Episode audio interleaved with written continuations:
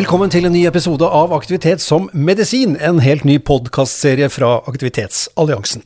Alliansen består av Gjensidigestiftelsen, DNT, Skiforeningen, Syklistene, Virke Aktiv Helse, Norsk Sportsbransjeforening og Rode, og har de siste elleve årene jobbet med å legge til rette for å fremme mer fysisk aktivitet. Mitt navn er Lars Erik Mørk, og jeg er kommunikasjonssjef i Gjensidigestiftelsen. Og sammen med meg her i vårt aktivitetsstudio er Anders Hall Grøterud, som er daglig leder for Aktivitetsalliansen. Og Anders, en av de tingene vi skal snakke om i dag, det er eh, folkehelsemeldingen med stor F. Det er det, og den kom jo ved jevne mellomrom, fire år siden sist. Denne gangen så kom den rett før påske, sånn fredagen før, når alle egentlig er mest opptatt av påskeegg og sånt noe. Så onde tunger sier at den ble begravet fordi den ikke inneholder så mye, men vi syns faktisk den inneholdt en del spennende. Og Blant de andre hovedsakene du skal føre mer om i dag, er et møte med en som fikk en skikkelig dose medisin, nemlig artisten Jenny Jensen. Hun fikk rett og slett deltakelse i 16 ukers helvete på Discovery som medisin av fastlegen sin. Og så skal du få vite alt du trenger å vite om eh, det som skal til for at føttene dine skal få en så god opplevelse som mulig i møte med stier, grus og asfalt, nå som våren endelig har festet grepet.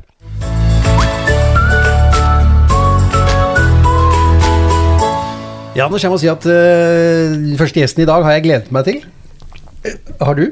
ja, ja, er du gæren? Dette er jo kjempespennende. 16 ukers helvete. Ja, uh, Jenny Jensen, velkommen til Aktivitet som medisin. Tusen, tusen takk, men jeg må korrigere litt, for i dag så kaller jeg det for 16 uker himmel. Wow! Yes. Dette, nå er jeg veldig nysgjerrig på, på, hvordan dette kommer til å ende. Eh, fordi at Av alle sakene vi har delt eh, i sosiale medier så langt i år, så er altså den du er den som har fått flest reaksjoner, og da positive. Eh, og Det var da vi la ut intervjuet av deg da du var på, på Lindmo i forbindelse da med deltakelsen i 16 ukers uh, himmelrike, som vi skal kalle det nå, da, på Discovery. Eh, men, men, ta oss med litt tilbake til, til da du fikk forespørselen. Oi, ja det er jo, da er vi jo et godt år tilbake i tida. Eh, og det er klart, når du får en sånn forespørsel, så er det jo noen som har satt ord på at ah, du er en liten tjukkas, og du hadde kanskje trengt å bli litt bedre form, og det er jo ikke så veldig hyggelig, akkurat det. Altså, selv om man skal være ærlig og kalle en spade for en spade, og jeg er nordlending og er vant til det, så syns jeg det Nei, jeg hadde ikke lyst til å brette meg ut for hele Norges befolkning og si at jo, her trenger jeg litt hjelp, så jeg takka nei.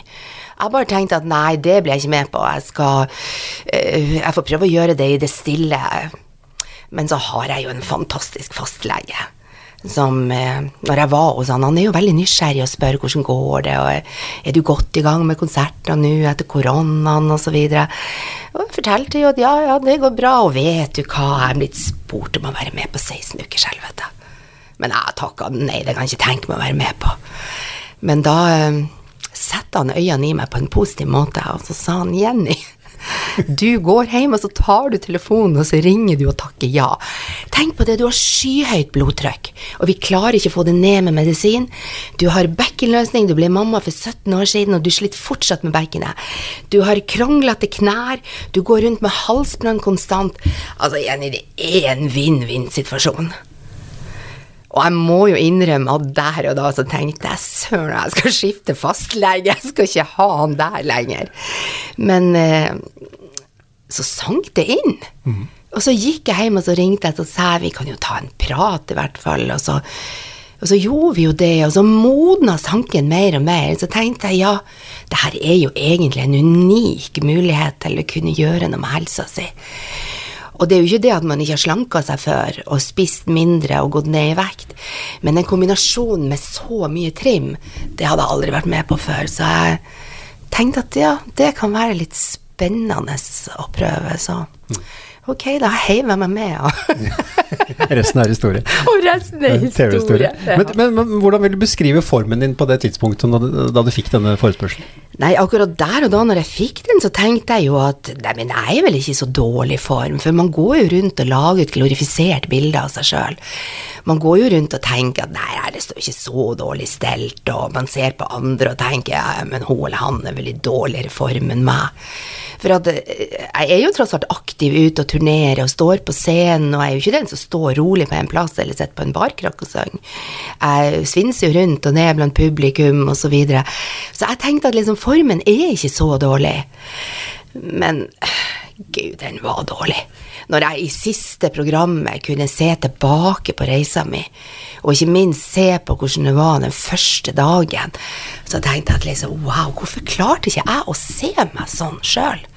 Hvorfor i all verden går man rundt med et sånt bilde med at det er mye, mye bedre, og var det et foto som ble tatt av meg, så tenkte jeg at ja, det er vel en uheldig vinkel, det er vel derfor underhaka vises, og ja, akkurat som det er i dag, når man har gått ned 18 kilo og 20 cm i midjen og 15% i fett, så, så, står jo jeg på gymklassene mine hvor det er speil på alle kanter, og ser meg sjøl, og så tenker jeg hvem er den lille dama der? Og så tenker jeg, speilet lyver vel. Nei da, det er ikke meg. Men når jeg sammenligner meg med de som står ved siden av, så tenker jeg, ja, men de ser jo likedan ut i speilet som det jeg ser, så da må det vel være meg, da. Merkelig hvordan man fordreier akkurat det der. Men, og det er de tingene som er veldig synlige. Ja. Men hvordan føles det annerledes, da? Oi, vet du, det er jo natt og dag for en Altså, jeg har jo bestandig hatt mye energi, og det har jeg jo bestandig fått tilbakemelding på at wow, du har mye energi, og du sitter jo aldri stille, og, men det var jo tungt. Det var jo tungt å på en måte mobilisere så mye energi når du var i så dårlig form. Så i dag så så er det jo et hav av forskjell. Altså, bare det med at blodtrykket blir normalt. Jeg som elska å gi blod, og jeg ga blodplate, og jeg sto i beinmargsregisteret. Altså, hvis det var noe jeg kunne dele som kunne hjelpe andre, så yes, hent det hos meg. Og så fikk jeg ikke lov til noen av de her tingene for at blodtrykket var så høyt. Og det er jo ikke for at eh, det er noe feil med blodet, men at det er ikke bra for den som gir blod når du har høyt blodtrykk. Så, så, det har fått blodtrykket på plass, og det var jo sånn at bare du røster deg opp, så var det jo svimmel bekkenet, for ikke å snakke om bekkenet. Jeg var jo plaga med bekkenløsning fra første dag jeg ble gravid. Og gikk jo med bekkenmeldt og krykke og sto jo på scenen og var jo ikke sykemeldt, men hver gang jeg hadde holdt en konsert, så var jeg jo sengeliggende i et par-tre dager. Og det var jo aldri blitt bra, og det gjør jo òg at du er litt redd for å trimme, for at du er litt redd for å gjøre øvelser, for noen av øvelsene, å, kanskje det gjør det verre. Og det var jo det som var fantastisk her, at han Martin han la jo opp et eh, program som passa min kropp. Eh, så, så bekken er på plass, knærne er ikke vonde lenger, blodtrykket er fint, halsbrønnen er borte. Eh, og så er det jo det at man psykisk òg føler seg helt annerledes. Mm. Eh, man har plutselig rettere holdning, stoltere holdning. man kler seg litt annerledes. Man, man, eh, man sitter ikke og drar i genseren nedover magen hele tida. Altså alle de der små tingene som man nå tenker på, men som var bare så innøvd mm. for at du hadde den følelsen av at åh, det er tungt. Jeg føler meg usunn, det er tungt. Mm. Og så har jo jeg en jobb som er veldig synlig. Jeg skulle jo stå på scenen, så når jeg veide 18 kg mer, så måtte jeg jo frese rundt på scenen likevel. Mm. Du måtte på en måte ta på deg det imaget at du er trygg på deg sjøl, og du Og så Nei, det er, det er himmel og hav i forskjell, det er det. Mm. Jeg har lyst til å konfrontere deg med, med det sitatet som du hadde da, i traileren til TV-programmet. Da så sier du da 'Tenk så herlig livet hadde vært om trim bare kunne være gøy'. Det er jo slitsomt, og tunga henger ut som et slips. Ja, og der, der, hadde du meg de fire, fem, seks første ukene. Mm. Altså, det er et under at jeg sitter her i dag, for at jeg trodde jeg skulle daue. Og, og, og botten, den nådde jeg totalt i villeløypa. For det første så var jeg så opptatt ut av, når jeg sa ja til dette programmet, at, at det måtte legges opp sånn at vi også skulle føle at vi mestra. Mm. Eh, og når vi da ble konfrontert med den villeløypa, så følte jeg at nei, de har ikke hørt på meg. For da hadde jeg jo i fire uker gjort alt det de sa jeg skulle gjøre. Jeg hadde spist sunt, jeg hadde gått ned litt, jeg hadde powerwalka, jeg hadde gjort Og likevel så var jeg den siste i gruppa. Jeg var liksom den derre etterpåklatten som ble dytta i ræva i mål av Trine og slette i arma i mål av han Steffen. Og, og, det var så nedverdigende, hvis dere skjønner. Det var så, det var så åh, Skal aldri all den innsatsen jeg gjør, vises? Det var følelsen. Så det var ikke mestringsfølelse i det hele tatt.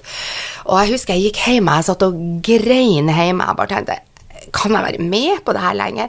Det her er bare fire, fem, seks uker som er gått, og det fader rullende meg ti-tolv uker igjen. Klarer jeg nederlag på nederlag på nederlag, for sånn føltes det. Og han Martin han tenkte jo helt annerledes. Han tenkte jo sånn at hadde du gått villeløypa første uka, så hadde du merka forskjellen. Men det gjorde vi jo aldri, så derfor hadde jeg ingenting å sammenligne med. Så uansett hva han sa, han så på pulsklokka at det her er kjempebra, Jenny, og jeg trodde du skulle bruke en og en halv time i mål, og jeg klarte det på én time. Jeg sa ryk og reis til ditt pepper leppen gror. Det, det, det, er ikke noe trøst for meg at du sier det, for jeg kjenner ikke på den følelsen. Og, og en av bunnene i den der løypa, det var jo når verdensmesteren bare jogga opp og ned, opp og ned, opp og ned. Eh, og er liksom så sprek, og det er ikke ei svetteperle på panna hans, og jeg holdt på å dø. Jeg begynte å rygge, for jeg tenkte jeg må bruke lårmusklene andre veien, og slippe å se hvor langt det er igjen. Og så kommer han joggende ned, så skal han jo prøve å muntre meg opp, og så sier han Du, Jenny, da jeg var toppidrettsutøver og jeg våkna på morgenen, og det sto på timeplanen at i dag skal du jogge villeløypa. Vet du hva, jeg gleder meg. Og vet du hva, vet du, jeg så på han Martin, og så sa jeg til han, Martin, du er sjuk i hodet. Og vet du, vet du det, det, det, altså han mente det jo godt, og jeg svarte akkurat det jeg følte, for jeg tenkte det går ikke an, stakkars, stakkars jævel, det går ikke an å ha vært så sjuk. Men i dag, når jeg går på crossfit og sånn, og crossfit er jo fryktelig militært, og vi står på hender, og det er opp og ned, da kommer han bort, og så kakker han meg i skuldra, og så sier han Du, sånne som du er blitt nå, hva var det du kalte dem før i tida? og da må jeg jo innrømme at jo, jeg er blitt litt sjuk i hodet, jeg òg. Men, men Nei, det, det, er jo ei reise mm. hvor du må tåle blodsmak i munnen, og det, jeg sovna jo med blodsmak i munnen. Jeg våkna med blodsmak i munnen. Jeg var stiv og støl. Jeg var støl i muskler som jeg ikke Jeg trodde ikke jeg hadde de musklene der. Så det, det var innmari tungt å begynne med. Og mange har jo sagt til meg opp gjennom livet at ja, men du kommer til et punkt hvor du blir avhengig av trimmen. Du må bare holde ut. Og gudene skal vite at jeg har prøvd. Men jeg har aldri kommet til det punktet. Men nå har jeg det. Fantastisk. Hva slags forhold har du til Villeløypa, som er en, der på sommerstid en herlig motepakke oppe på toppen av Oslo? Ja, nei, altså etter den der uh, forferdelige første gangen i Villeløypa, så satt jeg hjemme og gjorde opp status. Altså enten må du bare kaste inn håndkle, eller så må du bare bite tennene sammen. Og da snakka jeg jo med litt forskjellige folk.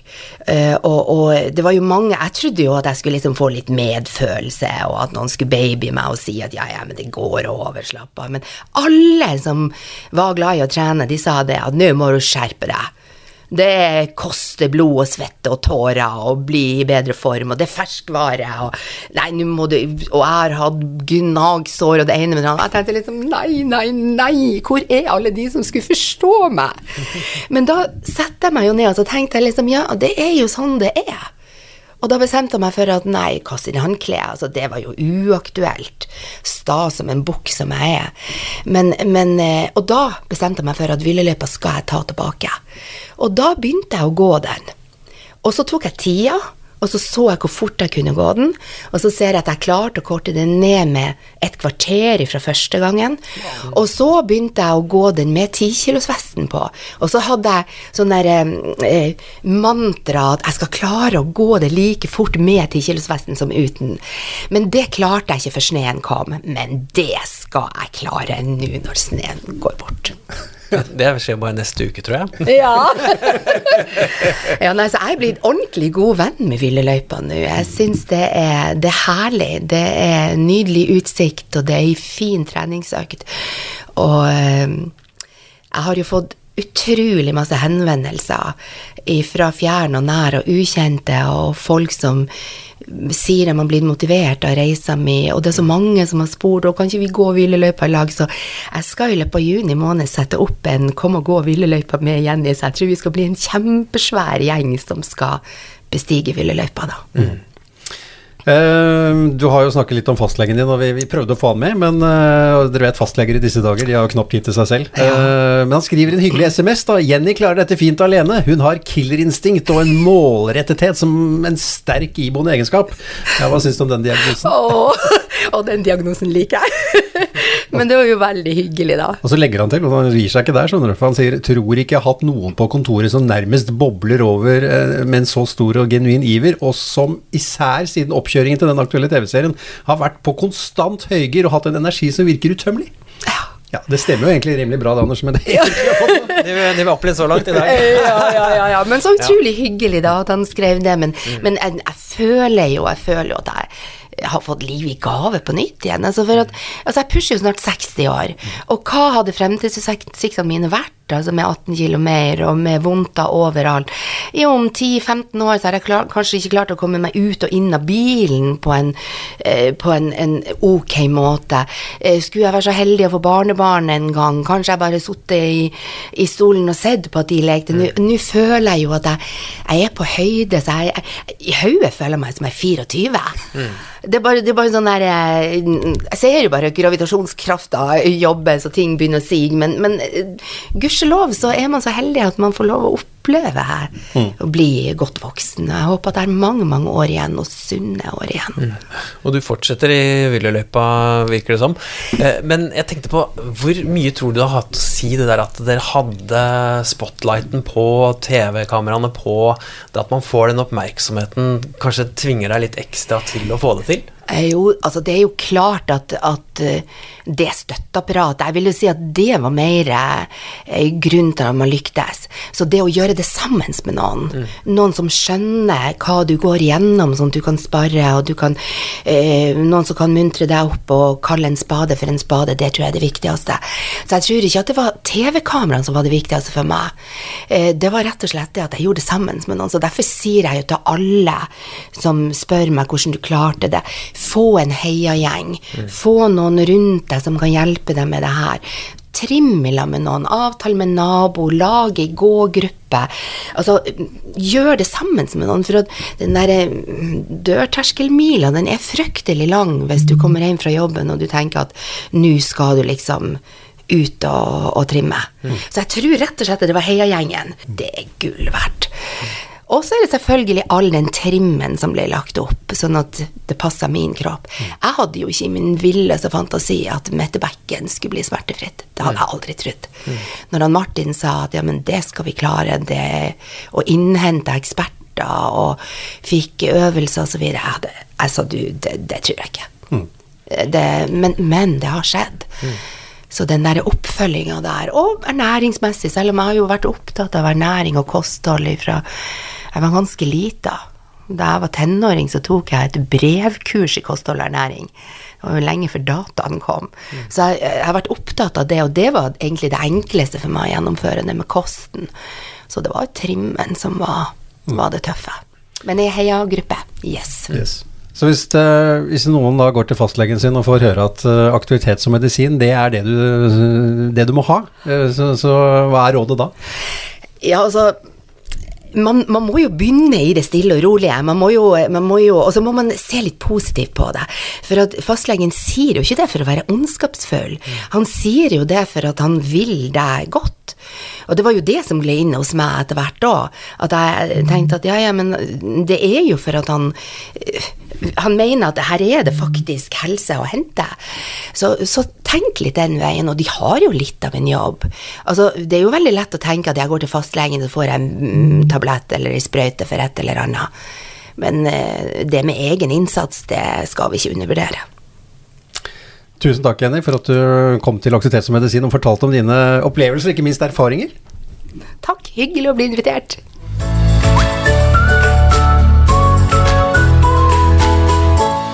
Ja, da var det altså den faste spalten her i Aktivitet som medisin som vi kaller Det lurer vi på, og som vi var inne på i innledningen, Anders, i dag så lurer vi på hvor mye plass aktivitet som medisin har fått i den nye folkehelsemeldingen, som altså ble lagt fram rett før påske. Ja, eh, denne kom jo ved jevne mellomrom. Det kom en i 2019 som handlet om ensomhet, og så kom det en nå da i 2023 rett før påske som handlet om å utligne sosiale forskjeller. Og så er det som med sånne stortingsmeldinger, da. Det er innspill i forkant som vi har vært med på, og det er høring etterpå. Og det gir da grunnlag for å drive politikk eh, framover. Mange sier at det er fine ord og små initiativ, men det er også en anledning til å løfte fram politiske saker. Og en av de mest kjente som kom i hva var det, 2003, det var jo at det kom både en folkehelsemelding som het 'Resept for et sunnere Norge', og røykeloven. Og da skjedde det jo ting. Så det er eh, faktisk sånn at det faktisk kan skje ting i forbindelse med disse meldingene. Men altså, for oss i Aktivitetsannonsen så er det jo fysisk aktivitet som gjelder. Og vi hadde innspill knytta til eh, dette med fysisk aktivitet en time hver dag i skolen. Vi mente at eh, arbeidsplassen blir den nye arenaen for å være mer aktiv. Og så er vi opptatt av dette med hverdagsstyrke for eldre fallforebyggende trening, at du kan faktisk greie deg 14 år lenger uten hjelp hvis du er i fysisk aktivitet. Og det er jo superviktig for samfunnet og den enkelte.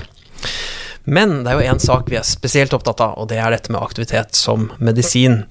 Og da er det gledelig når man leser disse meldingene over år, at vi faktisk har fått til en del uh, ting. Vi, vi, når vi leser denne siste meldingen, så har vi fått til en anerkjennelse av at fastlegene mangler kunnskap om fysisk aktivitet og at de trenger oversikt over de lokale tilbyderne av fysisk aktivitet. Det vi kaller for de små apotekene. De lokale apotekene av fysisk aktivitet. Og at man trenger en kursing i denne aktivitetshåndboka. Alt dette er ting som vi har jobbet for i mange år, som nå står skrevet, og det er gledelig. Og så har vi fått en ny takst, og det er jo det som motiverer legen, ikke sant. Alle blir motivert av litt penger for å, for å anbefale ting. Den heter livsstilsintervensjon, kan brukes tre ganger i året til å veilede på fysisk aktivitet knytta til f.eks. høyt blodtrykk. Og vi er opptatt av at legene også må få en opplæring i hvordan man bruker denne taksten, og har foreslått eh, det.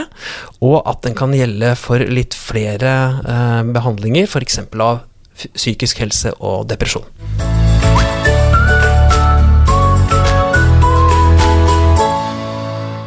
Er det én type aktivitet som medisin som kan sies å virke best for de fleste diagnoser, ja, så er det å gå. Kanskje i forlengelsen jogge, og etter hvert løpe når du blir sprek nok. Jeg har en god venn og nabo som fikk lungekreft, og nå har hun, eh, tro det eller ei, løpt maraton.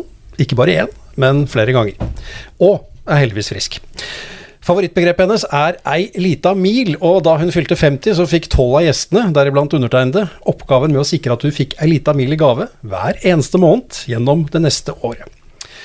Så var det slik at jeg fikk da heldigvis en måned med godt vær, eh, der bekledning ikke var en stor utfordring. Men så var det da det evige spørsmålet hva med skoa? Hva er godt nok? Hva passer ditt aktivitetsnivå? Hvor ofte bør man bytte sko? Eh, skal det være tunge, lette? Hvordan skal mønsteret se ut? Hvor mye dropp skal det være? Altså Spørsmålene er så uendelig mange. Så vi har rett og slett henset inn den flinkeste på dette temaet i Norge. En ekspert fra sportsbransjen. Og det er jo de som i vår sammenheng leverer det medisinske utstyret. Tor Fauske, velkommen til Aktivitet som medisin. Takk skal du ha. Du er altså toppsjef for spesialistbutikkjeden Løpelabbet, eh, og har eh, skrevet bok sammen med Anders Mølster eh, Galaasen.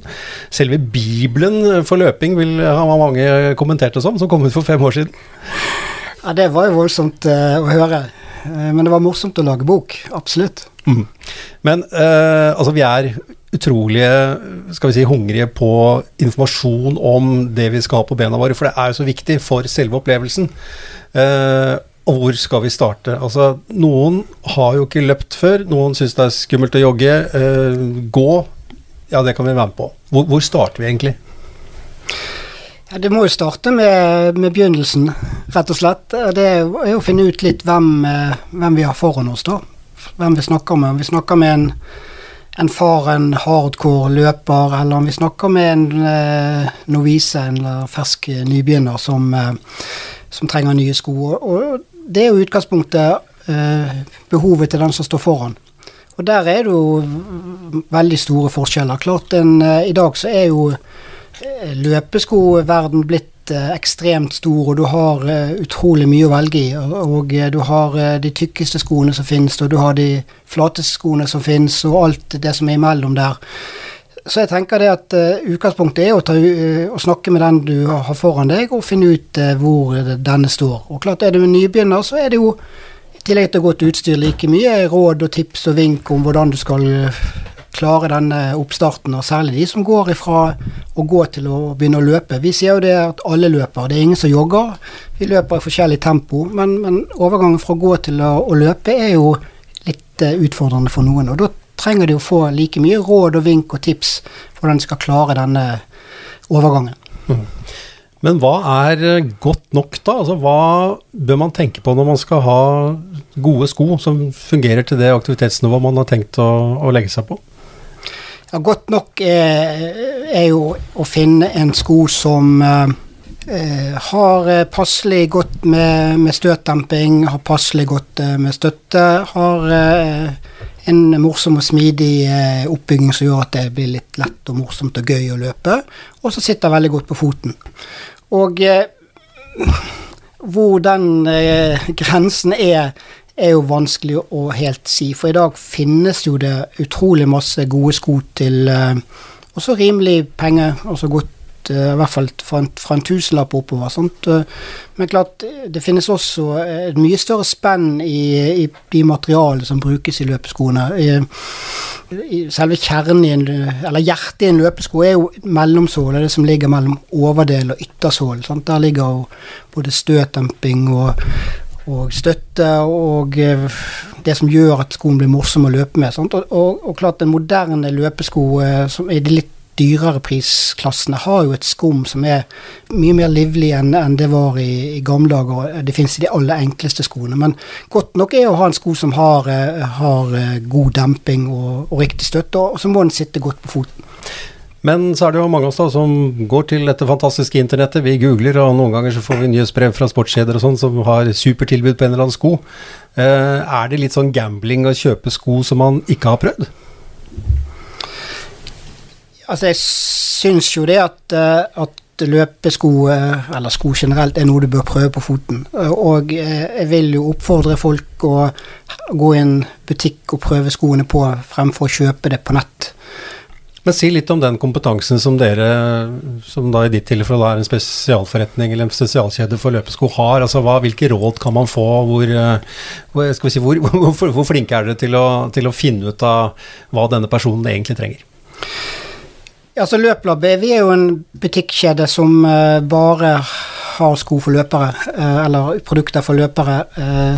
Så har vi noe sko til å gå med også, men klart, hos Løplabbet finner du bare løpere også. Folk som løper på et eller annet nivå. Enten er det mosjonist som løper en gang eller to uker, eller så er det folk som løper veldig aktivt. Og klart, det at du treffer noen som har erfaring med produktene, vil jo gjøre at det går an å få til en dialog, en prat. Og vi kaller jo det kundemøtet vårt for løper-til-løper-samtalen. Altså det betyr at uh, løperen som kommer inn, treffer en uh, løpende ansatt, og så er det i den, det kundemøtet, den dialogen, den praten uh, vi har, som, som, avgjør hvilke sko som passer best. Og, og det kundemøtet der, og den, det å kunne diskutere og, og, ha en prat med noen, sant, og få til en dialog, det, det får du ikke til på internettet. Og det finnes utrolig masse flott på internett, og, men du får aldri helt noen å diskutere det med, og få gjort noe om de vurderingene du leser faktisk er riktig for deg. Og Derfor tror jeg det at å komme i en butikk, eh, enten hos oss eller hos andre, eh, så, så får du til en prat. Og, og, da kommer du gjerne Vi opplever jo i dag eh, når jeg begynte på løpelaget for 30 år siden, så var det ikke noe internett, og det var ingen som kunne noe om sko, og vi kunne briljere om alt det vi, vi, den erfaringen vi hadde. Det, I dag så kommer kundene inn med veldig mye mer kunnskap og, og, har lest mye mer og kan mye mer. Men vi merker jo også det at i den dialogen, det kundemøtet, så, så blir det rett og slett andre produkter enn det de faktisk eh, ønsket å kjøpe, som de ender opp med. også. Mm. Hvor ofte kommer det folk tilbake etterpå og sier 'takk for, for gode råd, dette var helt fantastisk'? Jeg skal ikke si at det kommer mange tilbake etter tid. Det kommer jo heldigvis veldig mange tilbake og kjøper nye sko. Det, kan, det er jo en tillitserklæring, men vi opplever jo at kunder tar oss i hånden og sier eh, 'tusen takk for god hjelp'. Eh, og det, det er jo eh, noe vi setter veldig pris på, og da får du i hvert fall en følelse av at du har gitt mye gode råd. Hva kan gå galt eh, hvis man kjøper feil sko? Altså, uh, som jeg var inne på her, er, uh, de er bygget opp på forskjellig måte. holdt på å si med, Noen har kanskje hørt om pronasjon, altså hvordan vridningen på selve foten er når den treffer bakken. da er dette med dropp, ikke sant, som er forskjellen mellom forfot og hæl. si litt om det.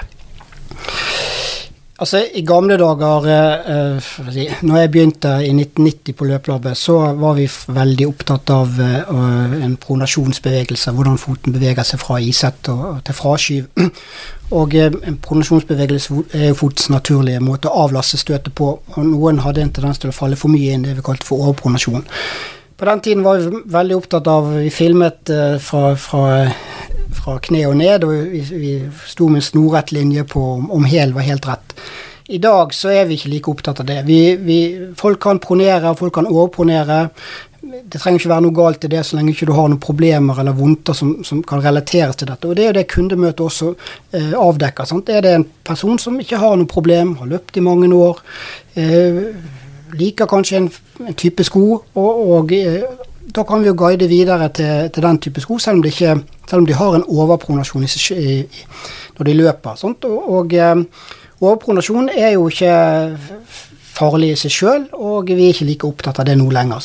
Men, men klart det det du skal være opptatt av, det, det er å finne en sko som har eh, eh passelig godt med demping, og, og, som ikke minst sitter veldig godt på foten. Det finnes jo noen som har brede føtter, som må ta hensyn til det, og noen som har smale føtter og smal hæl, som må være opptatt av det. Så vær, vær, veldig nøye på at du finner en sko som sitter godt på foten.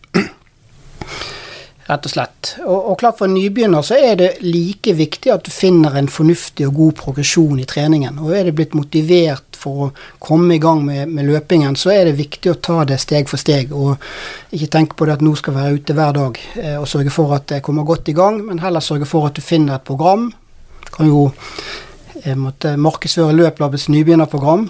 Faktisk den siden på løplabbet.no som er mest besøkt. Eh, som er et fint tolvukers program å komme i gang med. Jeg må innrømme at jeg er en av de som syns det er stas å løpe. Eh, sikkert fordi jeg da drev med friidrett og orientering i barndommen, så var liksom, det var naturlig å løpe enten det var i skauen eller det var på, på bane eller eh, for så vidt asfalt etter hvert òg. Og jeg må si at jeg er litt sånn sykelig opptatt av vekt. Jeg hater tunge sko. og så vet jeg det at det kommer med en kostnad, fordi eh, det er klart eh, skal den være dempet, og spesielt hvis du løper mye på asfalt, så, så bør du ha skikkelig demping, og det går utover vekten. Eh, er det sånn at dere noen ganger havner i diskusjoner med, med folk som tror de vet best, eller har noen preferanser som det er vanskelig å få dem bort fra? Absolutt. Vi opplever det hele tiden, og nesten si hver dag i sesongen at det kommer inn kunder som har klare preferanser. Og det hvis du er opptatt av at vekten skal være så lav som mulig, for det regner med at du er opptatt av vekt, så skal den være lav, eh, så eh, handler det litt om holdbarheten på skoen. Sant? Og, klart Hvis det viktigste for deg er at den skal være lett og smidig, for da er det gøyest å løpe, ok, så velger du en sko som er så lett og morsom å løpe med, som gjør at du kommer deg ut. For det, Skoen skal jo sørge for at du kommer ut og får løpt de kilometerne du har lyst til. Men da må du kanskje skifte litt, litt oftere, eller kanskje du må ha to par å veksle på. Men det er jo den kostnaden som eh, som kommer ved, ved, disse spesielle behovene. Sånt, og de fleste eh, veier jo da opp det ene si, kostnaden med, med, med, utstyret i forhold til, til vinningen med det, og, og, noen har jo råd til å kjøpe flere par og sånn sett prioritere det høyt, eh, mens andre tenker på en annen måte. Så, så det går fint an å kombinere. Det sies ofte at joggesko spesielt da er ferskvare. Stemmer det? At det er, at det er en, skal vi si, en sånn holdbarhetstid altså, før de må, må byttes, sånn ut fra alder. Og da tenker jeg ikke bare på slitasjen, men altså først og fremst alder. Ja, det, er jo litt en myte. Hvis det er sånn at uh, du tar ut en sko som er ti år gammel, og, og tar den frem og, og, skal løpe med den, så vil nok uh, den oppleves som, som litt hard og litt fast å løpe med. Eh, men hvis du velger en sko fra i fjor eh, eller i forfjor, to år gammel, så, så kan du fint begynne å løpe med, med den. Altså, det er ikke det som, som uh, avgjør om du blir skadet eller ikke. Da er det mye mer i den progresjonen eller du, du har i løpingen. Så klart, hvis du har, tar frem sko som er veldig gamle, og så snakker vi ti år, så ville jeg jo valgt noe nytt og morsomt og spennende. Men hvis det er fjorårssko sko eller året før der som skal tas frem, så går det helt fint til. Mm. Hvor mye er eh, sånn typisk jåleri? Altså, det kommer jo stadig ny teknologi, ikke sant. Altså, begreper som dukker opp på skoene. Den siste er vel da karbonplate, som skal gi da liksom mer futt i fratsparket. Jo så fortere du løper, jo mer respons får du tilbake osv. Altså, hvor, hvor mye av dette er reelt, og hvor mye av dette er bare markedsføring? Er det en ting som faktisk er reell effekt på, så er jo det eh, de nye modellene som er kommet med karbonplate og, og superskum. Eh, det viser jo seg i test at det er mye mer effektivt å løpe med for, for de som løper fort, vel å merke. Sant? Og da er det jo er det opptatt av at du skal løpe fort, ja, så er det ikke jåleri. Men er du opptatt av å være i bevegelse, så vil jeg si at det er jåleri. Noen har fortalt meg at dette er jo sko som nesten løper av seg selv, men det er altså betydelig overdrevet.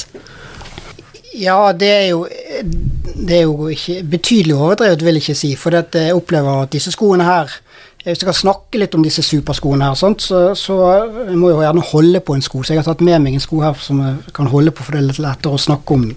Men det som er spesielt i en supersko, det er tre ting. Det ene er at de har lagt inn helt nytt skum og skumteknologien, altså dempematerialet som er i skoene, der har det skjedd svært mye de siste tre-fire årene. Skum er blitt eh, mye bedre i kombinasjon av støtdemping og respons. I gamle dager med EVA som var, var, brukt som skum, så fikk du enten mye demping eller mye respons. og Du kunne vanskelig kombinere begge deler. Det kan du i disse superskoene. Så disse skoene her er jo li, like lette som en gammel konkurransesko, rundt 200 gram, men, men skummet er like godt dempet som en de aller best dempede skoene for ti år siden. I tillegg så er det en rocker, en avrunding i skoen, som er helt ny. Mye mer aggressiv avrunding for foten. Så skoen ruller mye raskere i steget. Og så er denne karbonplaten som er lagt inn, som er en plate som går i hele skoens lengde, som er laget som en S-form eller skjeform. Den gjør at, at du får en mye større vekt av å skyve på. Og særlig under stortåbollen, så, så stiver den av stortåbollen. og stortåleddet ditt er det som, som faktisk gir det fraskyv. Og så får du stivet det av, så får du et mye mer effektivt fraskyv. Så det er en opplevelse når du virkelig tar i og du begynner å bli sliten, så, så hjelper skoene frem. Det kan jeg skrive under på. Begynner å glede meg til feriepengene, kjenner jeg. er. Ja, er du glad i å løpe raskt, så er det definitivt eh, noe du bør prøve. Er du glad i å løpe for å bevege deg og, og ikke så opptatt av fart, så er det ikke noe du trenger. Og vi har jo en del uh, lyttere som uh, er i den kategorien, tror jeg, at uh, man kanskje har hatt en pause fra løpingen gjennom vinteren, og nå skal begynne igjen. Hva er den største fella man kan gå i når man er litt sånn våryr og har lyst til å begynne å skru opp og antall løpeturer? Ja, det, det, kommer litt an på. For det er klart all oppstart er jo, er jo en overgang. Og løpingens klare styrke er jo det er enkelt å gjøre. det får veldig mye kondisjon for lite tid. En veldig effektiv form for trening, men det er en stor belastning, og ganske ensom belastning. Så, så det å bli vant til den eh, belastningen igjen, enten om du har hatt en pause et halvt år, eller om du er nybegynner, det er jo det som er utfordringen. Og klart, er du dårlig trent, så, så begrenser jo formen din eh, hvor fort du kan klare å løpe eller, eh, eller trene. Sant? Men hvis du er gått mye på ski gjennom vinteren og gått mye langrenn særlig, som veldig mange her på Østlandet i hvert fall eh, har gjort, i hvert fall etter den fantastiske vinteren vi har hatt, så er det gjerne det at du har en sterk og god motor, men du har et karosseri som ikke er vant til belastningen, og dermed så, så er det lett å gå på en smell, for det, eh, det er ikke pusten som begrenser deg, men det er rett og slett muskulatur og senere bånd. Da det, går det gjerne tre-fire uker, og så begynner du å få vondter, og så er det veldig lett å plutselig måtte rykke tilbake igjen. Så progresjon de første tre, fire, fem ukene er utrolig viktig. Mm. Hvor, uh, si, hvor, kort kan man løpe og likevel ha god samvittighet? I gamle dager så sa jeg det at du måtte løpe en mil i hvert fall for at det skulle kalle for trening, men det har jeg definitivt endret meg på nå. Så jeg kan løpe tre-fire kilometer jeg, og definere det som en uh, treningsøkt. Ja, og da må jeg legge til min favorittøkt er jo fortsatt uh, eh, 17 minutter på morgenen, som er vel uh, 3 km, 3,5 kanskje. Uh, og det gjør at jeg faktisk får løpt. Mm. Husk på å si at, eller vi pleier å si at uh, den viktigste er treningen er den du får gjort. Absolutt, det er jeg helt enig i. Mm. Og da gjelder det å lage et, et opplegg, et treningsopplegg som gjør at du faktisk får gjennomført det. Og takket være deg, Tor Fauske, så vet vi altså nå hvordan vi skal gå fram for å sko oss riktig. Jeg får håpe det. Det viktigste er å tenke gjennom ditt eget behov, og så ikke være altfor eh, påståelig, og, eh, også lytte til fagfolk.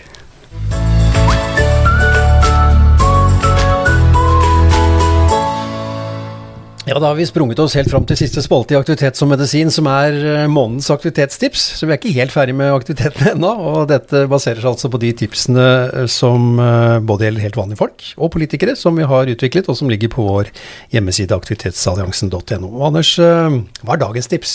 Du, dagens tips til folk flest, det handler om tips nummer tre, som heter inspirer andre. Og det er noe som vi kanskje ikke tenker så ofte på, at ved å være fysisk aktiv og ta ansvar for egen helse, så kan du være et forbilde for dem rundt deg og inspirere til både en holdning til livsstil og det å være aktiv. Og eh, hvis vi tenker etter, så tror jeg de fleste har noen som inspirert, eh, som inspirerer oss. Det kan komme på så mange vis. Det kan handle om å ja, gjøre litt eller få det gjort. Eh, eller kose seg på tur, liksom gjøre noe hyggelig ut av det. Eller kanskje, hvis du har vært sjuk eller skada, eller å, trene deg opp igjen så du får en normal funksjon. Det er mange måter å være et forbilde på. Og jeg eh, tenkte liksom på dette i, i, dag, og jeg har en far som nå er blitt 83 år, og han er fortsatt veldig sånn tydelig på at han skal gå seg en lang tur hver dag på fire kilometer hver vei, og ta en kaffekopp på den kafeen som ligger fire kilometer unna. Og det er faktisk sånn som inspirerer meg til å liksom holde det gående, og jeg vet at han uh, får en sånn naturopplevelse på den veien han går. Uh, treffer folk på denne kafeen og liksom slår alle disse fluene sammen i ett smekk. Og så tenkte jeg òg på at um, når jeg blir så imponert over de folka som f.eks. sykler til jobben, uh, ikke bare om sommeren, men også året rundt. Og jeg husker jeg tenkte i årevis at det der kommer jeg aldri til å gjøre. Sykle på vinteren, liksom. For noe tull. Og i fjor så kjøpte jeg meg for det første elsykkel, og så bestemte jeg meg for å gi det en sjanse til å sykle på vinteren. Og det går jo kjempebra, og er jo så deilig å få den her friske luften. Så det der med å, at man har et forbilde, eller kan eh, la seg inspirere, eller inspirere andre, det er egentlig et eh, tips å tenke på som kan gi litt sånn dypere mening til å være aktiv. Mm. Og så var disse politikerne våre da, som uh, både vedtar folkehelsemeldinger og ikke minst legger rammene for at vi skal kunne leve gode og aktive liv. Ja, og da har vi kommet til det tipset som heter premier forbilder og fjern hindringer. Og det kan jo gjelde mange ting. Da fikk man for noen år siden en bedre løsning på dette med skatt på trening betalt av arbeidsgiver.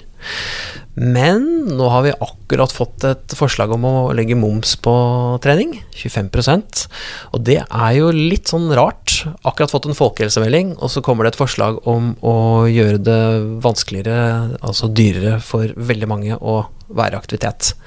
Så det er sånn som jeg tenker det er viktig å i hvert fall stille spørsmål med. Er dette smart? Man snakker om en sånn sunn skatteveksling. Kan vi ikke heller kanskje legge avgiftene på sukkervarer istedenfor å gjøre det dyrere å trene? Det er sånn som er viktig at vi stiller spørsmål med, tenker jeg. Og det der med å, å, premiere kan jo gjøres uh, på mange fine måter. Hvorfor ikke la arbeidsgivere få en uh, økonomisk stimulans hvis det legger til rette for fysisk aktivitet?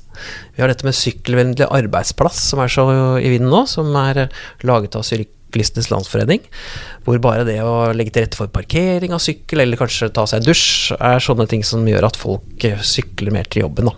Og Der tror jeg du kan bli sertifisert i gull, sølv og bronsestatus. Det er ganske flott. um, og i det hele tatt, eh, når det gjelder da alle de frivillige organisasjonene som uh, organiserer og utløser uh, aktivitet gjennom sin frivillighet, som bl.a. Turistforeningen og Skiforeningen som er med i alliansen, så er det så viktig at politikerne setter av nok ressurser til å organisere og administrere dette her, slik at man kan utløse frivilligheten. Og Det er også en viktig bit av det å, å fjerne hindringer og legge til rette for mer fysisk aktivitet. Ja, Da gjenstår det bare å ønske lykke til med å være aktiv, og ikke minst motivere andre. Og som alltid, helt til slutt, husk at den viktigste aktiviteten, ja, det er den du får gjort.